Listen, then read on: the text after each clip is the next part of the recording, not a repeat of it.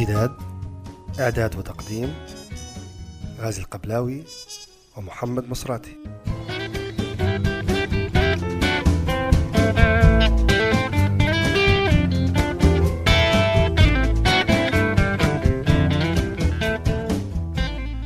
مرحبا بكم في هذه الحلقة الجديدة من بودكاست امتداد. امتداد برنامج ثقافي متنوع يعنى بالثقافة والفنون في العالم العربي وبريطانيا ويبث عبر الإنترنت.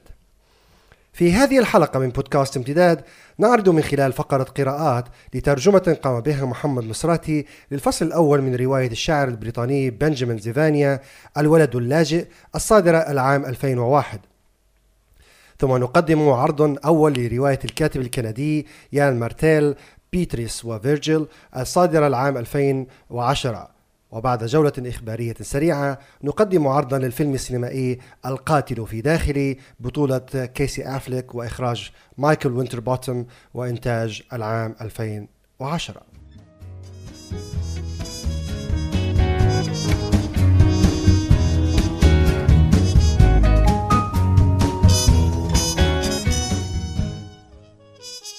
الولد اللاجئ.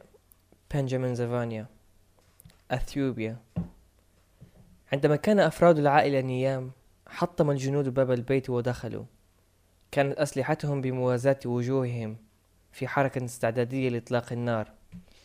فهرع عالم إلى حجرة نوم أبويه ليعثر عليهما بلباس النوم وجوههم إلى الحائط بينما كان رئيس الجند خلف والده صارخا في أذنه.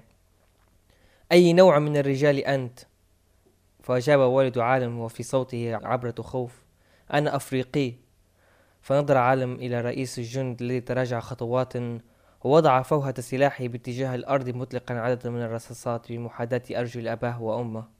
فصرخ والد عالم قائلا لا أرجوك اتركنا وشأننا نحن فقط نريد السلام. إلا أن رئيس الجند أكمل صراخه قائلا هل أنت إثيوبي أم إريتري أجبني نحن نريد أن نعرف من أنت. أنا أفريقي. أجاب والد عالم فقام رئيس الجند بتوجيه فوهة السلاح نحوه وقال أنت خائن. ثم التفت بسلاحه إلى والدة عالم وأضاف وأن وهي عدوة. ثم أدار سلاحه باتجاه عالم وقال وهذا ابن حرام.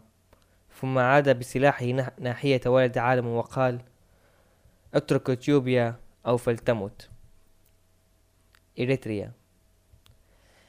عندما كان أفراد العائلة نيام حطم الجنود باب البيت ودخلوا.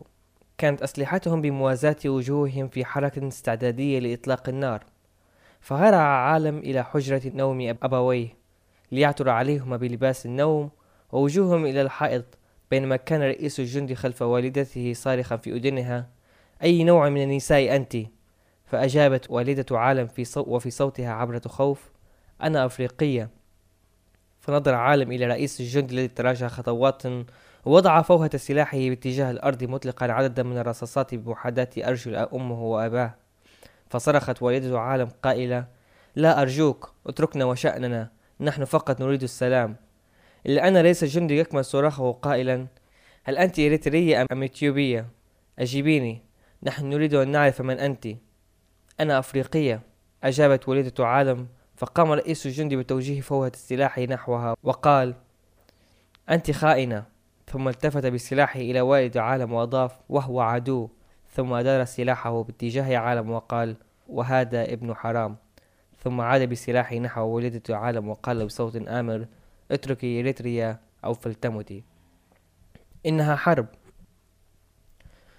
اسمي عالم كيلو وأنا أفريقي في الربيعة عشر من عمري. كنت قد ولدت في منطقة بادم. يعتقد بعض الناس أنها جزء من إثيوبيا والبعض الآخر يعتبرها جزءا من إريتريا. وقد قال لي والدي أنها جزء من أفريقيا وقال لي أيضا أنه لا يوجد في أفريقيا بلد أكبر من أفريقيا بحد ذاتها. في العام 1991 أي عندما انتهت الحرب الكبيرة كنت آنذاك في الخامسة من عمري وقد انتقلت برفقة والدي إلى أسمرة. وهي مدينة كبيرة وعاصمة لإريتريا. وقد قالت لي أمي أننا انتقلنا إلى هناك لكي يكون بإمكاني الذهاب إلى المدرسة وليعثر والداي على عمل أفضل. وبالفعل ذهبت هناك إلى مدرسة كبيرة بأعمدة ضخمة وقوية. أما والداي فقد حظيا بعمل أفضل. اشتغلت والدتي في المحكمة. أما والدي فقد حصل على عمل جيد في البريد العام. يجيد والدي التحدث بست لغات العربية الآفرية التيغرنية الإيطالية الإنجليزية والأمهرية. وكذلك تجيد أمي التحدث بهذه اللغات إلا أنني أريد تعلم اللغات أكثر من هذه بالإضافة لتحسين اللغة الإنجليزية بالطبع. أحببت أسمرة. كان عندي فيها العديد من الأصدقاء إلا أنني عندما كنت في العاشرة اضطررت للرحيل برفقة أهلي مجددا للإقامة في أعالي هضاب أثيوبيا. في بلد تشرق فيها الشمس لامعة تسمى هرار. وجدت هناك مدرسة جديدة وكان لي فيها صديق رائع اسمه داويت لقد كان والدي أهم الموظفين في البريد وإن كانت هناك مشكلة ما فإن الكل يذهب له طلبا لحلها. لقد كنا نعيش بسلام حتى بدأت الحرب مجددا وبدأت مشاكلنا في التصاعد تدريجيا. فقد بدأ بعض الأولاد بالعراك معي في المدرسة وفي يوم آخر عادت أمي البيت وقالت أنها قد فقدت عملها لأن لا أحد أراد أن يشتغل معها. وقد قال لها رب عملها أنها تقوم بخلق الكثير من المشاكل. العمال الأثيوبيون قالوا أنهم في فترة حرب مع إريتريا ولهذا فإنهم لن يستطيعوا أن يشتغلوا مع امرأة إريترية. كانت أمي غاضبة جدا وهي تحكي لنا عما حدث معها وبعد ذلك بأسابيع قال والدي لنا أن زملائه في العمل قد طلبوا منه أن يترك أمي لأنها إريترية وأنها عدوة لأثيوبيا. عارض والدي رغبة زملائه وظل يشتغل هناك إلا أني أعتقد بأنه كان يشطح لضغط زملائه في العمل. كان يعود للبيت في بعض الأحيان دون أن يتفوه بكلمة واحدة. وكنت وأمي متأكدان بأنه يعاني من مشاكل صعبة في العمل بسبب الحرب.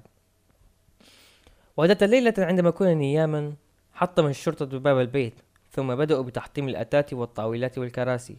وقد قالوا أن علينا مغادرة البلاد في الصباح لأن الحافلة ستأخذنا إلى إريتريا.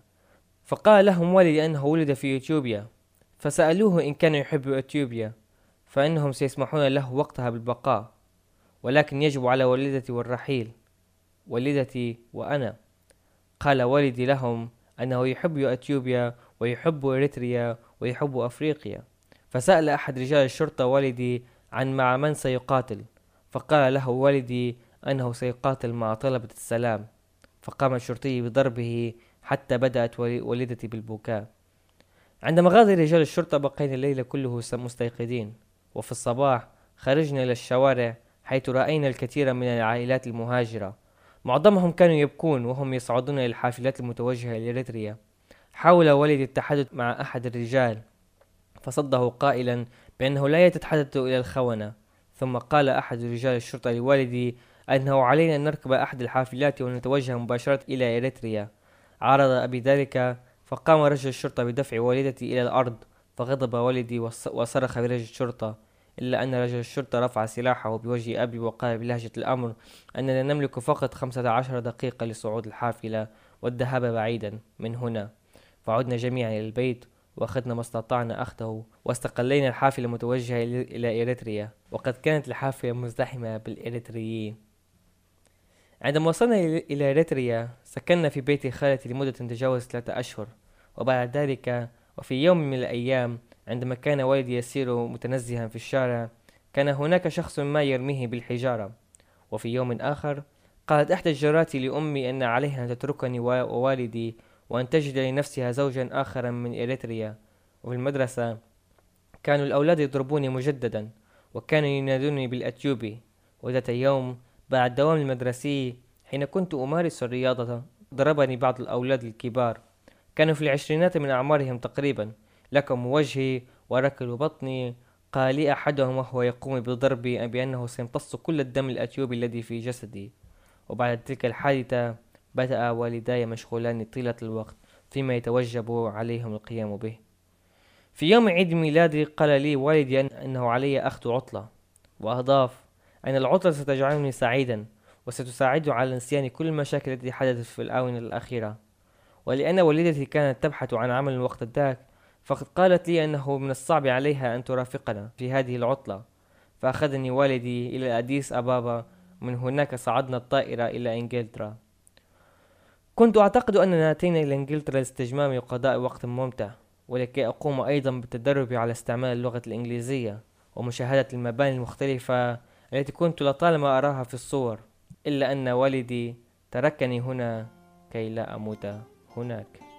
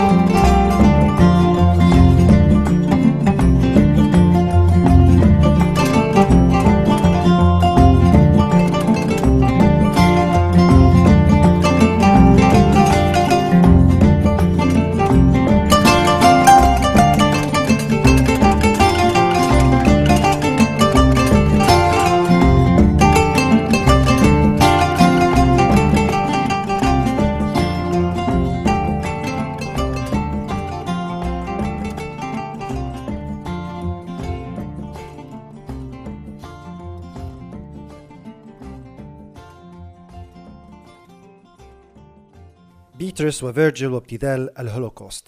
يان مارتيل يعود بعد ثماني سنوات برواية مرتبكة عن حمارة وقرد. كيف يستطيع الأدب والفن بشكل عام أن يعرض التراجيديا والمأساة الإنسانية بطريقة ساخرة وأقرب للخيال منها لواقع تاريخي مأساوي حدث منذ زمن غير بعيد. وما تزال جراحه تنزف وما تزال تفاصيله الحاضرة في الذاكرة الجمعية للمجتمع.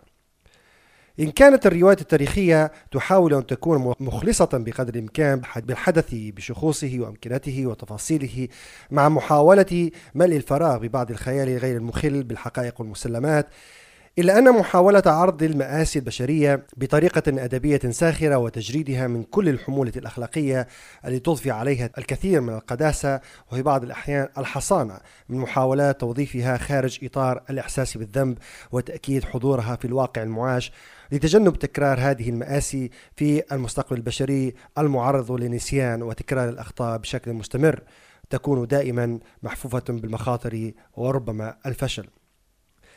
في روايته الصادرة حديثا يحاول الكاتب الكندي يان مارتيل من خلال روايته بيتريس وفيرجيل عرض جانبا من حياته ككاتب يصاب بالاحتباس الإبداعي بعد النجاح المنقطع النظير لروايته الثانية حياة باي التي صدرت العام 2002 وحازت على على عدة جوائز عالمية من أهمها جائزة بوكر البريطانية وصدرت بأكثر من 30 لغة وبيع منها الملايين من النسخ وهو النجاح الذي ساهم في عودة الرواية الأدبية لقائمة أفضل الكتب مبيعا في العالم ولتسيطر عليها دائما روايات الإثارة والجريمة والخيال العلمي. ومن خلال الشخصية الأساسية في الرواية المسماة هنري والذي يتشابه مع يان مارتيل في كثير من التفاصيل يقدم لنا محاولة الكاتب وبعد خمس سنوات من العمل على كتاب يعرض مأساة المحرقة أو الهولوكوست بطريقة ساخرة في شكل كتاب, كتاب من جزئين الأول هو رواية قصيرة والثاني مقالة أو دراسة نقدية حول فشل محاولات أدبية وفنية سابقة تقديم صورة خيالية وغير توثيقية للهولوكوست وما تعرض له اليهود من محاولة لإبادة العرقية الجماعية في الحرب العالمية الثانية. إلا أن هنري يفاجأ بعد اجتماعه بوكلائه الأدبيين ومندوبي دار النشر ومحلات بيع الكتب أنه لا يمكن نشر وإصدار هذا الكتاب المزدوج وذلك لعدة أسباب فنية وتسويقية. ملقيا بالعمل برمته إلى سلة المهملات وتاركا هنري في متاهة ضياع خمس سنوات من العمل. إلا أنه بعد جولة تأملية في حديقة لندنية يقرر أن يستقر مع زوجته في أحد المدن العالمية الكبيرة دون أن يحددها في الرواية. ويمضي الوقت في تعلم العزف على آلة موسيقية الكلارينت وينضم لفرقة مسرحية من الهواة ويعمل كنادل في أحد المقاهي ويمضي باقي وقته في الرد على رسائل المعجبين والقراء وفي تربية قط وكلب ومنتظرا أن تلد زوجته سارة الحامل في الأشهر الأخيرة مولودهم الأول. وفي خضم هذه الأحداث الرتيبة يتعرف هنري على كاتب مجهول يرسل له جزءا من مسرحية درامية طالبا مساعدته على استكمالها. يتعرف هنري الكاتب على هنري محنط الحيوانات والذي أرسل له مسرحية غرائبية يعكف على كتابتها منذ عشرات السنوات تدور أحداثها على لسان حمارة محنطة تدعى بيتريس وقرد محنط يدعى فيرجل في إشارة لأحد أهم الشخصيات في ملحمة الشاعر الإيطالي دانتي أريغيري الكوميديا الإلهية. يدخل هنري الكاتب المصاب بالاحتباس الإبداعي عالم هنري المحنط غريب الأطوار وحاد الطباع عالم مليء بالحيوانات المحنطة بطريقة تجعله أقرب للحياة من الموت. حيوانات من كل شكل ونوع ولون. حيوانات قتلت بطرق متعددة وكانت نهايتها التحنيط بطريقة فنية دقيقة للحفاظ على نظارة الحياة في شكلها الخارجي إلا أنها ميتة منذ عشرات السنوات. ومن خلال أحداث الرواية التي نقرأ من خلالها أجزاء مطولة من المسرحية التي كتبها هذا الرجل العجوز الذي لا يبتسم ولا يظهر أي نوع من المشاعر الإنسانية. كما نقرأ أجزاء من قصة قصيرة للكاتب الفرنسي فلوبير حول سعي شاب لقتل أكبر قدر ممكن آه، من الحيوانات في العالم. وبين تفاصيل المسرحية بلسان الحمارة والقرد والوصف المفصل والمبدع الذي يقدمه يان مارتيل لمحل الحيوانات المحنطة والوصف الدقيق لكل من القرد المحنط فيرجيل والحمارة بيتريس والحوارات السريعة بين هنري الكاتب وهنري المحنط حتى نصل إلى النهاية السريعة والتراجيدية للرواية. يحاول يان مارتيل عرض الهولوكوست بطريقة مسرحية ساخرة مبتذلة أحيانا. من خلال وصف مأساة الهولوكوست التي تتعرض له الحيوانات والأهم من خلال الحوار الذي يدور بين بيتريس وفيرجل حول هذه المأساة والرموز التي يقدمانها للتعريف بهذه التراجيديا الرمزية الحيوانية والتي بطبيعة الحال تحاول اختزال التراجيديا البشرية التي حدثت في الحرب العالمية الثانية وما تزال تتكرر في أكثر من مكان كل يوم. الرواية كتبت بشكل سرد متواصل دون تقسيم لفصول كما أن اعتماد الكاتب على التجريب متعدد الأشكال من خلال عرض أجزاء كاملة من المسرحية أو تقديم أجزاء منها مطبوعة بالآلة الكاتبة. إلى جانب 13 بطاقة في نهاية الرواية وبعد انتهاء الأحداث تحوي أسئلة أخلاقية عن كيفية التعامل مع المآسي الإنسانية وهي أفضل أجزاء الكتاب وأكثرها عمقا. كما أن الوصف الدقيق والإبداعي يمثل أقوى أجزاء السرد الروائي المكثف والمختزل والسريع والذي يفشل في كثير من الأحيان في ملء الفراغات السردية وفي الأغلب قد يسبب بعض الإزعاج والملل لبعض القراء. كما أن صدور هذه الرواية التي وصفها معظم النقاد في الصحف الأمريكية والكندية والبريطانية بالمتواضعة جاء بعد أكثر من ثماني سنوات من النجاح الكبير التي حظيت به رواية يان مارتيل الثانية حياة باي التي اعتبرت في حينها أحد أفضل الروايات في مطلع القرن. وهو ما خيب آمال الكثيرين وخاصة أن الكاتب لم يخرج من عالم الحيوانات والرموز غير مباشرة وهروبه من تقديم سرد روائي جديد ومختلف عن رواياته السابقة والتي يبدو أنها قد أصابته بلعنة النجاح الذي يفترض تحديا أكبر للخروج من تطلعاته. وعلى الرغم من محاولة يان مارتيل عرض مأساة إنسانية مثل الهولوكوست في قالب خيالي ساخر إلا أن حساسية الموضوع بشكل عام وادعاء الكاتب أن هذا الموضوع لم يقدم من قبل بهذا الشكل جعل الرواية تبدو غير عفوية وتلقائية في الكثير من أجزائها وتركها أقرب للمحاولة اليائسة للخروج من حالة الاحتباس الإبداعي منها إلى محاولة جادة ومخططة لكتابة إبداعية حديثة. إلا أنني لا أخفي أنني أعجبت بالمحاولة بشكل عام. كما استرعى انتباهي واستفزني قدرة يان مارتيل على الوصف الإبداعي الدقيق والعميق وبدا كما لو أنه يحاول استعراض مهاراته الأدبية ليثبت أنه ما يزال قادرا على الاستحواذ على مخيلة القارئ كما أن التجريب المسرحي والنهاية المأساوية جعلتني أصاب بالحيرة تجاه الواقعية الأحداث في الرواية على الرغم من خياليتها. وبقي في داخلي حنين خفي للقاء ذلك القرد المفوه والقادر على وصف ثمرة كمثرى بشكل محسوس حتى أنك ستشتهي واحدة. وتلك الحمارة المصابة بالخوف والهلع والباحثة عن أحلام أكثر فرحا في إغفاءاتها القلقة والمتقطعة. رواية بيتريس وفيرجيل للكاتب يان مارتيل ليست في مستوى روايته حياة باي كما أنني أجد من المجحف محاولة مقارنة الروايتين فلكل منهما أسلوبه وطريقته في عرض المأساة الإنسانية. وإن كانت حياة باي تتمتع بقدر كبير من الأمل وانتصار الإرادة الإنسانية فإن بيتريس وفيرجيل لا تثير في النفس سوى المزيد من الحيرة والقلق وربما اليأس. ولعل البطاقات والأسئلة التي توزعت في نهاية الكتاب أكبر دليل على ضعفنا الإنساني وعدمية وعبثية الحياة التي نواجهها وبطلان الادعاء بقدرتنا على تغيير الواقع المأساوي مهما اختلفت المسميات أو تبدلت الأدوار بين المجرم والضحية.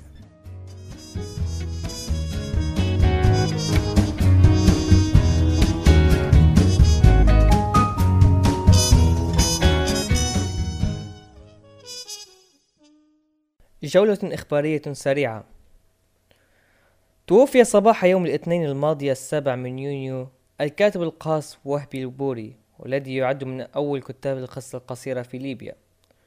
والكاتب الليبي مواليد الإسكندرية عام 1916 وقد تخرج البوري من مدرسة الفنون والصنايع بالبنغازي قبل أن يكمل تعليمه متنقلا بين مصر وأوروبا وتخرجه لاحقا من جامعة نابولي الإيطالية والتحاقه فيما بعد للعمل في الهيئة العربية العليا لفلسطين وعمله لاحقا في مناصب سياسية عدة من بينها مندوب ليبيا في الأمم المتحدة وغيرها من المناصب الرسمية. وكان بوري قد نشر أول قصصه القصيرة عام 1930 وفي عقد الثلاثينات كان قد كتب ونشر العديد من القصص القصيرة لتجمع لاحقا وتنشر في العام 1980 تحت عنوان بدايات القصة القصيرة الليبية. كما نشر البوري العديد من المؤلفات معظمها تهتم بالشأن السياسي وقضايا الاستعمار. افتتح مشروع المورد الثقافي باب التقدم لبرنامج المنح الإنتاجية للمشروعات الإبداعية للشبان والشابات للعام 2010 وكما جاء في الإعلان المنشور حول بعض الصحف والمواقع الأدبية فإن مشروع المورد الثقافي يساعد مبدعين الشباب للتفرغ التام لإنجاز أعمالهم الإبداعية مقابل مبلغ من المال يتراوح بين الخمسمائة والخمسة آلاف دولار أو ما يقابلها بالعملات العربية. وقيل في ذات الخبر أن آخر موعد استلام الاستمارات سيكون في سبتمبر من هذا العام. والجدير بالذكر أن مشروع المورد الثقافي يحرص على تشجيع كل الاستمارات المقدمة من مرشحات إناث لأسباب مجهولة حسب ما أفادنا ذات المصدر. فازت الكاتبة باربرا كينغسولفر بجائزة Orange البريطانية عن روايتها لاكونا متفوقة بذلك على الكاتبة البريطانية هيلاري مينتل وروايتها Wolf Hall والتي فازت بجائزة Man Booker Prize العام الماضي. ورواية لاكونا هي السادسة لصاحبتها بعد عدة روايات كانت من بينها Poisonwood Bible والتي دخلت القائمة القصيرة في جائزة Orange عام 1998 وتأسست الجائزة في العام 1996 وتعتبر من أرقى الجوائز الخاصة بما بات يسمى بالأدب النسوي.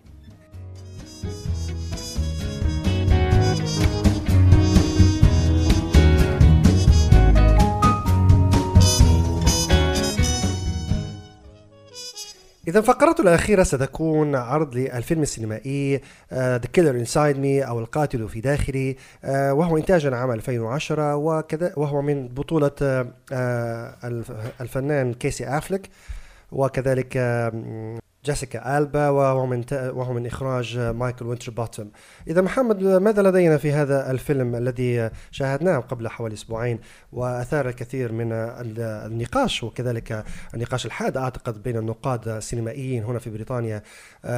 نظرا لكمية العنف الواردة في داخل هذا الفيلم. آه، طبعا غازي هو شيء ضروري ندير تعليق على كمية العنف. أنا لا أعتقد أن هناك كمية كبيرة من العنف بل هي الواقعية في ممارسة العنف والتي جاءت بشكل إبداعي كبير كفيلم سينمائي.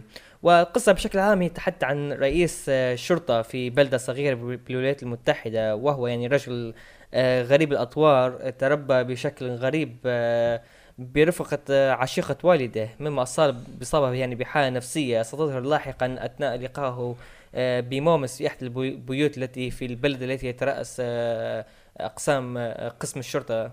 وعن طريق هذا اللقاء يكتشف أنه أن لوعة أو أو حالة نفسية كانت تصيبه عندما كان صغيرا وحبه للجنس السادي ستظهر فيما بعد ثم يكتشف أن في داخله قد استيقظ شيئا ما رجل غريب في داخله مهمته هي القتل.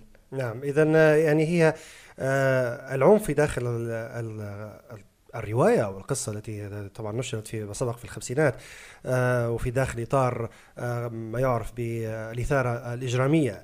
آه، أنها تتحدث عن هذا الشخصية التي نقدر نستطيع أن نقول أنه يعيش في بلدة صغيرة هادئة حالمة في كما قال في في الوسط بداية الأمريكي. آه وهي لا لا, لا, توجد فيها جرائم لا توجد فيها يعني حتى أنا الشرف أو هذا مسؤول الشرطة هناك لا يحمل مسدسا. آه وهو هو ما هو غريب في في الولايات المتحدة في بعض الأماكن خاصة في المدن الكبيرة. ولا يعرض لنا كذلك الفترة وهي فترة الخمسينات من القرن العشرين. آه، محاولته أعتقد الخروج من هذا الملل أعتقد الذي يعيشه وهو حالة الرتابة التي يعيشها في داخل هذه البلدة التي يعرفه فيها الجميع ويتعامل معه الجميع بطريقة آه، جيدة عفوية. وعفوية وجميلة. آه، يتعرض إلى هذا الوحش هذا الوحش الذي يخرج من داخله ويقضي على كل شيء بدون مبرر.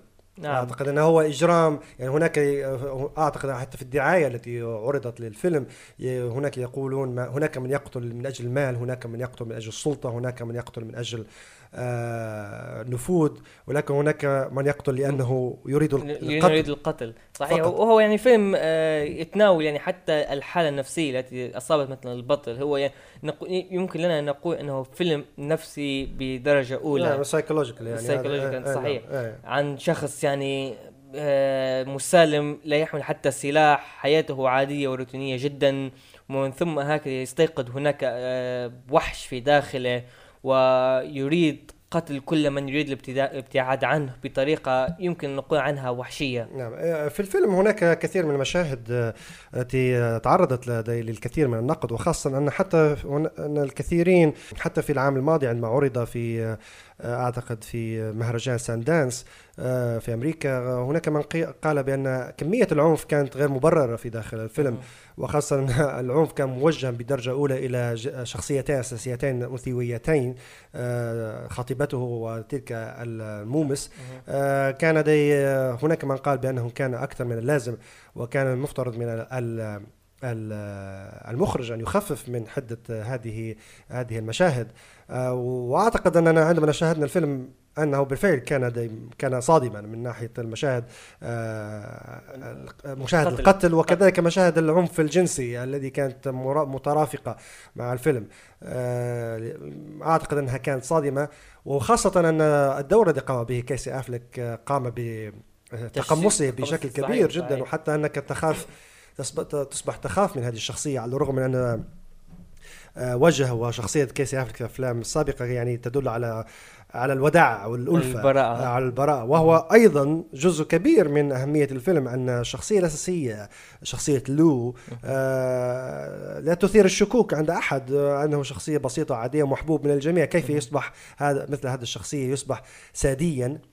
وكذلك في نفس الوقت يقتل لمجرد القتل. قتل صحيح. لأنه لم يقتل لأجل, لأجل المال حتى أن الجريمة الأولى التي كانت في في أحد تفاصيلها أن كان هناك عشرة آلاف دولار لم يسرقها. لم يسرق تلك العشرة آلاف دولار. جعلها م- مقدم بجانب جثة يعني. بالفعل يعني أنه الهدف الأساسي منه كأنه تدمير الذات يعني هي مسألة تدميرية. وحتى أن جرائمه لم تكن كاملة. بس كانت في الأخير يعني هناك بعض النهايات المفتوحة التي استطاع بذلك المحققون التوصل إلى أنه هو هو قام القاتل. بهذا القتل. صحيح صحيح. آه، وإلى جانب النهاية النهاية التي هي النهاية الأكثر تراجيدية وهي نهاية آه، عندما يحترق المسرح كله يعني مسرح الج... مسرح بما فيه الفيلم. من ب- بما فيه من أبطال يعني وشخصيات يعني وكأنه يعني آه، شمشون عندما يقول علي وعلى اعدائي يعني هو سيس- يسقط ال- المعبد والمسرح فوق الجميع. آه، نستمع قليلا ن- نرى هذا المشهد قصير من الفيلم ونعود بعد ذلك لاستكمال بقية آه، الفيلم I'm a no man to anything with a skirt on. Out here, if you catch a man with his pants down, you apologize, even if you have to arrest him afterwards. Out here, you're a man and a gentleman, or you aren't anything at all. And God help you if you're not. I love Joyce. And there were times when her voice seemed to whisper to me. Forget it, Lou. It's not too late if you stop now. But then I'd see that it had to be done. Well, that doesn't make any sense. Don't. I have to travel. Baby, you aren't going anywhere. إذا عودة مرة أخرى ماذا لديك محمد من نقاط تريد أن تضيفها على هذا الفيلم ال- نستطيع الجدلي إذا كان صح التعبير آه، يمكن أن نقول عن آه، الرواية التي اقتبس منها الفيلم وهو قد والمخرج قد حاول يعني بشكل كبير أن آه، ك- كما يعني قال في أحد حواراته أنه حاول بقدر كبير أن يجسد الرواية كما كتبت وأن لا يخرج من إطار الرواية سواء كان من تخف- من تخفيف حدة آه، ال- الإثارة أو من تخفيف حدة الجريمة. آه، وأظن إن هذه يعني رسالة يعني وجهها المخرج بمحاولة للخروج آه، بنمط بالسينما الإجرامية. لس- لصنع آه، نوع من السينما ذات ذات المفهوم النفسي قبل أن تكون مجرد الجريمة لغرض صناعة فيلم آه، إجرامي. يعني تقصد أنه ليس فيلم استهلاكيا. ليس فيلم مستهلكين بالمرة بل هو فيلم عندما تخرج منه يمكنك أن تفكر وتؤول وتحاول أن آه، ممكن جدا أن يكون ليس فيلم استهلاكي لأن معظم الأفلام الاستهلاكية آه، التي تتعرض للجريمة أو مثلا تتعرض الأفلام الرعب التي تتعرض للجريمة آه، تجد أنها ك- في أكثر الأحيان يعني تعرض مشاهد القتل ومشاهد مثلا الطعن والدم بطريقة سمجة أحيانا وفجة. ولكن في هذا الفيلم عرض جوانب أخرى آه، قد تكون أكثر طبيعية أكثر تلقائية يعني قد تكون أن عندما تحدث جريمة هكذا تحدث الجريمة. وهكذا يحدث للضحية يحدث له هذه التغيرات الجسدية. وهي تغيرات جسدية آه، وضعت آه، تجاه أو كان الهدف منها هو ال- ما جعل الكثير من ال- نقاد. النقاد مهم. آه، يتعاملون معها أنها هي جزء ربما من سادية سادية سادية جنسية آه، إجرامية ليس لها مبرر وخاصة إن كل الشخصيات الرجال الذين قتلهم قتلهم قتلوا قتلوا بدم بطريقة بسيطة بسيطة يعني. ودم نعم. بارد وبدون أي أهمية يعني وحتى المشاهد القتل والعنف تأتي بطريقة كأنك لا تستطيع أن تت... لا تستطيع أن ت... ت... أن تستوعب. تستوعبها مهم. تأتي صحيح. هكذا بشكل عفوي تلقائي وكأنه آه، متعود على هذا أمر يجب العمل. القيام به يجب كشرب. الماء أو أكل الطعام نعم اذا هذا الفيلم لا ننصح الجميع بمشاهدة هذا الفيلم إلا وخاصة أنه يحمل آه، تحذير 18 سنة بس فقط لدي مشاهدة آه، بما فيه من مشاهد عنف ومشاهد جنسية. آه، ولهذا قد آه، آه، يعني إذا أراد أحد أن يت- يشاهد الفيلم يجب أن يكون مستعدا لتلقي الكثير من الطعنات. مع قنينة ما طبعا. كثير الطعنات. اذا آه، نترككم مع بقية هذه الحلقة. Shame, shame on you. Shame, shame on you. Gave my heart as a token when returned it was broken. Hide your face. Shame on you. Shame, shame on you. Shame, shame on you. Took my car and my money, done me wrong and that ain't funny. Woe is me,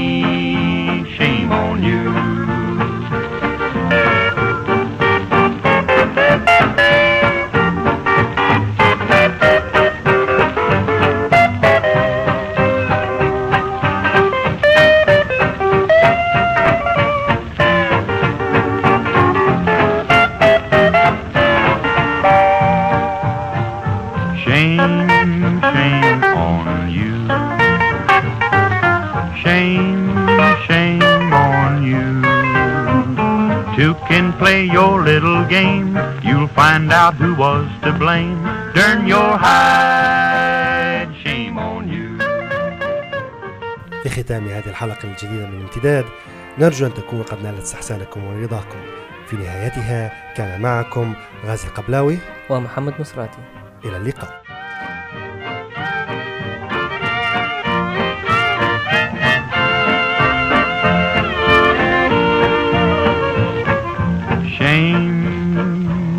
Shame, on you. Shame, shame on you. Ran around with other guys tried to lie when I got wise. Foolish girl, shame on you.